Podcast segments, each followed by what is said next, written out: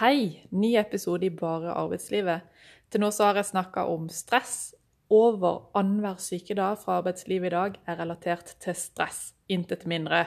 Og jeg har også snakka om at det ikke nødvendigvis er noen sammenheng mellom innsatsen du legger ned og kvaliteten du skaper, dessverre.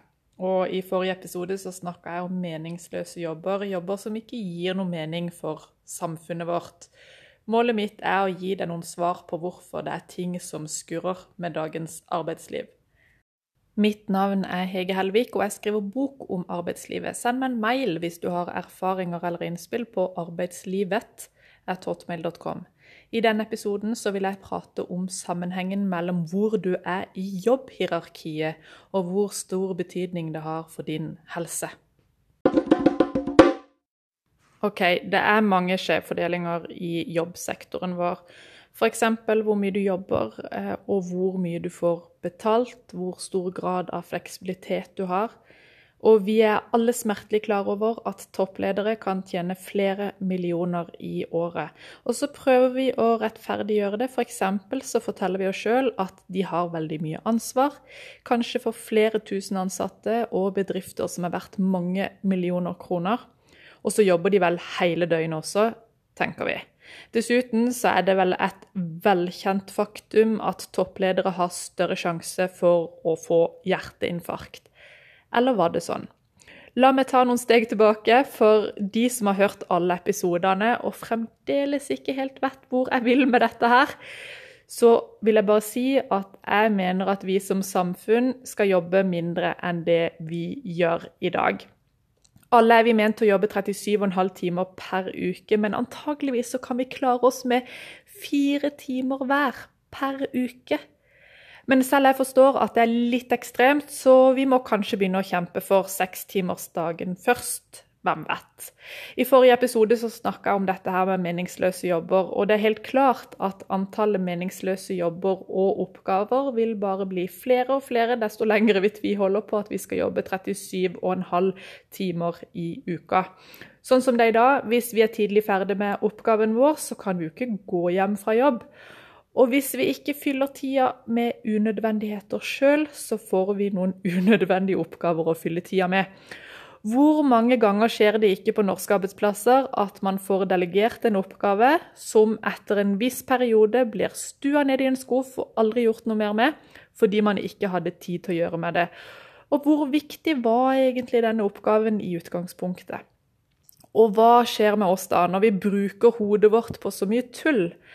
I perioder hvor vi faktisk skal gjøre en god jobb, så er vel hodet vårt til slutt så nummen og ukonsentrert at vi ender opp med å gjøre en dårligere jobb enn det vi egentlig kunne trengt. Og den dårlige jobben vi eh, gjør, gjør at noen andre, eller vi sjøl, må gjøre jobben på nytt, eller forbedre den, eller i verste fall drive kontinuerlig brannslukking. Og Sånn sett så virker det vel som om vi gjør en faktisk jobb, for vi må jo rydde opp i alle sin inkompetanse. Ironisk nok så lever vi i en tid hvor kunnskapsnivået ikke kunne vært høyere. Vi lever og ånder i informasjon, kunnskap og forskning om hva som er rett og galt. Og hver gang jeg blir kjent med nye mennesker, så blir jeg stadig mer overbevist om at det fins veldig mange smarte folk der ute som både er hyggelige og dyktige men de får ikke nødvendigvis utløp for sitt potensial. Og jeg har også hørt utallige ganger av ansatte og ledere at det er så vanskelig å finne flinke folk. Men det tror jeg rett og slett ikke på. Ta en hvilken som helst, ung dame eller mann fra gata. Gi han eller hun den rette opplæringa, de riktige tilbakemeldingene, og du kan gjøre hun eller han til den perfekte, papirflytende byråkrat, om du vil. Dette er stillinger som i dag krever mastergradskompetanse og et karaktersnitt på A++. Du kan gjøre hun eller han til konsulent, assistent eller kontormedarbeider. Og nå er det jo en rekke krav til formalia og lignende som gjør at dette i praksis aldri vil skje, men på et teoretisk nivå så mener jeg at det er fullt mulig. Og antageligvis, det som ligger bak, bak setninga om at det mangler flinke folk der ute, er at det mangler folk som orker av ulike årsaker å stå i akkurat denne jobben 37,5 timer i uka. En mann ved navn Michael Marmot ble for noen år siden spurt om ikke han kunne komme med litt eksperthjelp på det britiske skattekontoret. Mange av de ansatte som jobber med skatterefusjon, tok nemlig livet sitt. Etter å ha fått noen tid ved arbeidsplassen og snakka med flere av de ansatte som jobber der, så fant Marmot ut at arbeidsmengden bare vokste hver bidige dag. De ansatte grua seg til og med til feriene, fordi de visste at arbeidsmengden ville være desto større når de kom tilbake. En annen ting som Marmot hadde oppdaga, var at de ansatte aldri fikk noen tilbakemelding på den jobben de gjorde. De jobba alt hva de orka, men det var ingen som skrøt av de, og de sløste bort tida med fjas, og heller ikke nå var det noen som sa noe. De hadde jo heller ingen kunder som kunne være særlig fornøyde med jobben deres, de jobba tross alt med å avsløre eventuelt skattefusk. Marmot hadde sett dette tidligere, hvordan ansatte ble fortvila og etter hvert desperate når det var manglende balanse mellom innsatsen og belønninga. Og for de ansatte på det britiske skattekontoret var fortvilelsen så stor at de rett og slett ikke orka å leve mer. Det er nesten helt vilt å tenke på, men dette eksempelet illustrerer jo hvor viktig rollen som leder er for de ansatte. Vi tenker jo på dårlig ledelse som noe fælt, men i verste fall så kan det jo være fatalt for de ansatte. Michael Marmot han var opprinnelig utdanna lege. Etter å ha jobba som lege i noen år merka han seg at mange av pasientene hans kom tilbake gang på gang med de samme plagene. Og når pasientene fortalte han om økonomiske problemer, vold i hjemmet, bekymringer for tenåringsbarn, så forsto jo han godt hvorfor de var deprimerte. Og ikke så hjalp medisiner noe særlig heller. Medisinene kunne jo ikke gjøre noe med økonomien eller volden. Kanskje bortsett fra at det dempa bekymringene noe. Og selv om han ikke helt visste hvordan, så hadde Marmot på følelsen av at det hang sammen, kroppen og samfunnet rundt. Så han bestemte seg derfor for å gå tilbake til skolebenken for å studere helsetilstand og sykdomsutbredelse i befolkninga, nemlig epidemiologi. Marmot, som var nysgjerrig på sammenhengen mellom hvordan folk levde livene sine og deres helsesituasjon, begynte å leite frem informasjon som kunne gi han en pekepinn. Han fikk vite at det fantes informasjon om engelskmennenes helsesituasjon og hvilken stilling de hadde i sin nåværende jobb. Var de toppsjef, mellomleder eller nederst på arbeidsplassens rangstige? Marmot tenkte at dette var et godt sted å begynne, da kunne han få bekrefta at toppledere får hjerteinfarkt fordi de har så mye ansvar og jobber så mye.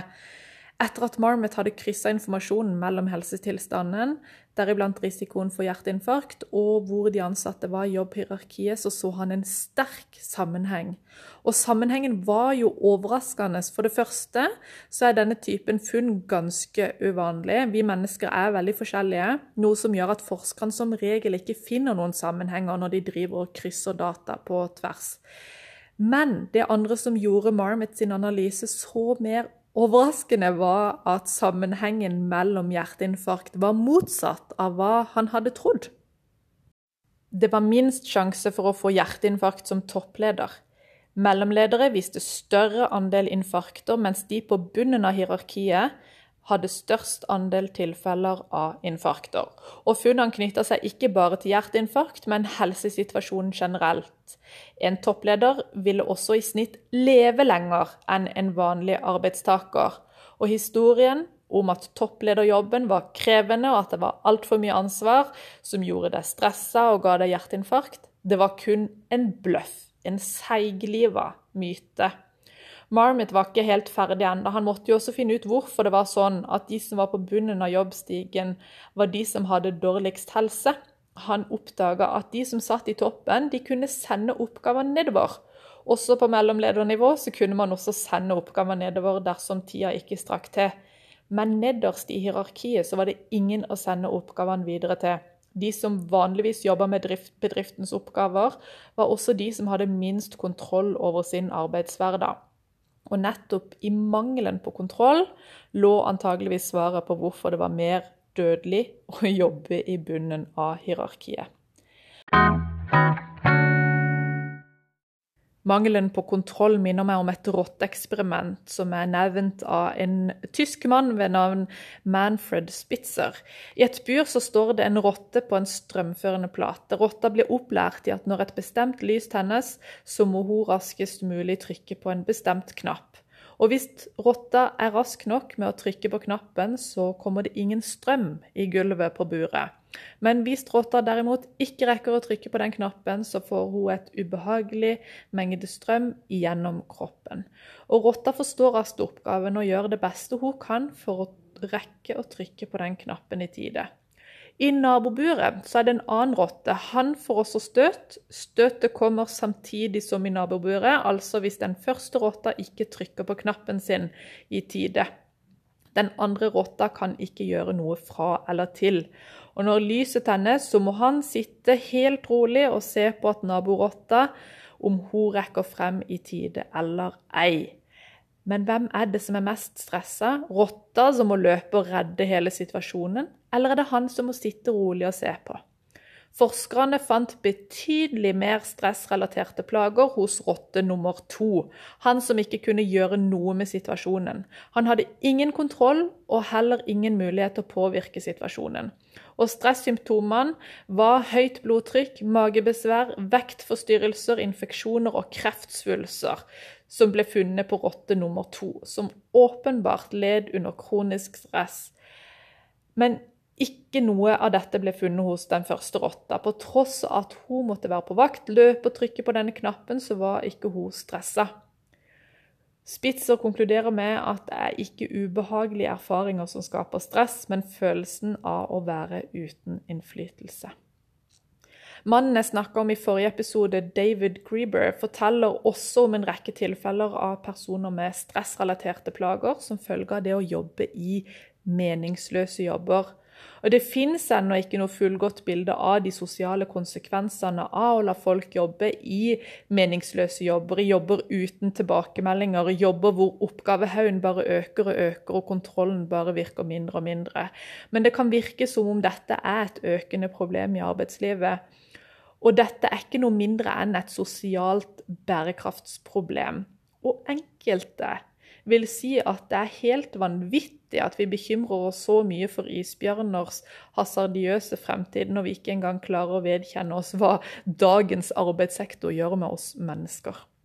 Og på lik linje som at vi har krevd bedre rettigheter for kvinner og barn, så burde vi også kreve retten til et meningsfullt arbeid. Det sier i hvert fall David Grieber.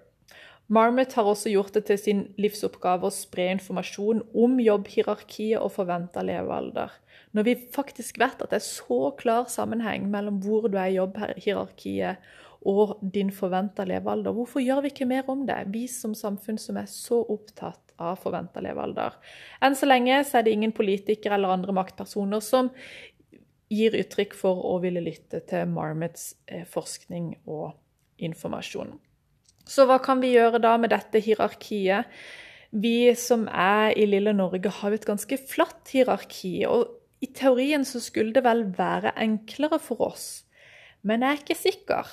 Jeg tror at vi ender opp med å føle enda større ansvar for at ting skal bli gjort, og har desto større skyldfølelse når vi ikke rekker å gjøre alt vi hadde avtalt med oss sjøl eller de rundt oss om at vi skulle få til. Jeg tror at vi må begynne å dytte oppover, fortelle hva som ikke ble gjort pga. for få ressurser, og kom gjerne med forslag til løsninger, men ikke la det være ditt ansvar alene at du har for mye å gjøre. Jeg vet at dette er enklere sagt enn gjort, men jeg tror du kommer lengre med å ta den praten med din nærmeste sjef enn å sitte på dogulvet og gråte. Flott at du ville høre denne episoden av Bare arbeidslivet. I neste episode vil jeg snakke om dette med å finne sin why, sin purpose, eller på norsk sin hvorfor. Alle snakker jo om denne hvorfor. Men hvorfor det?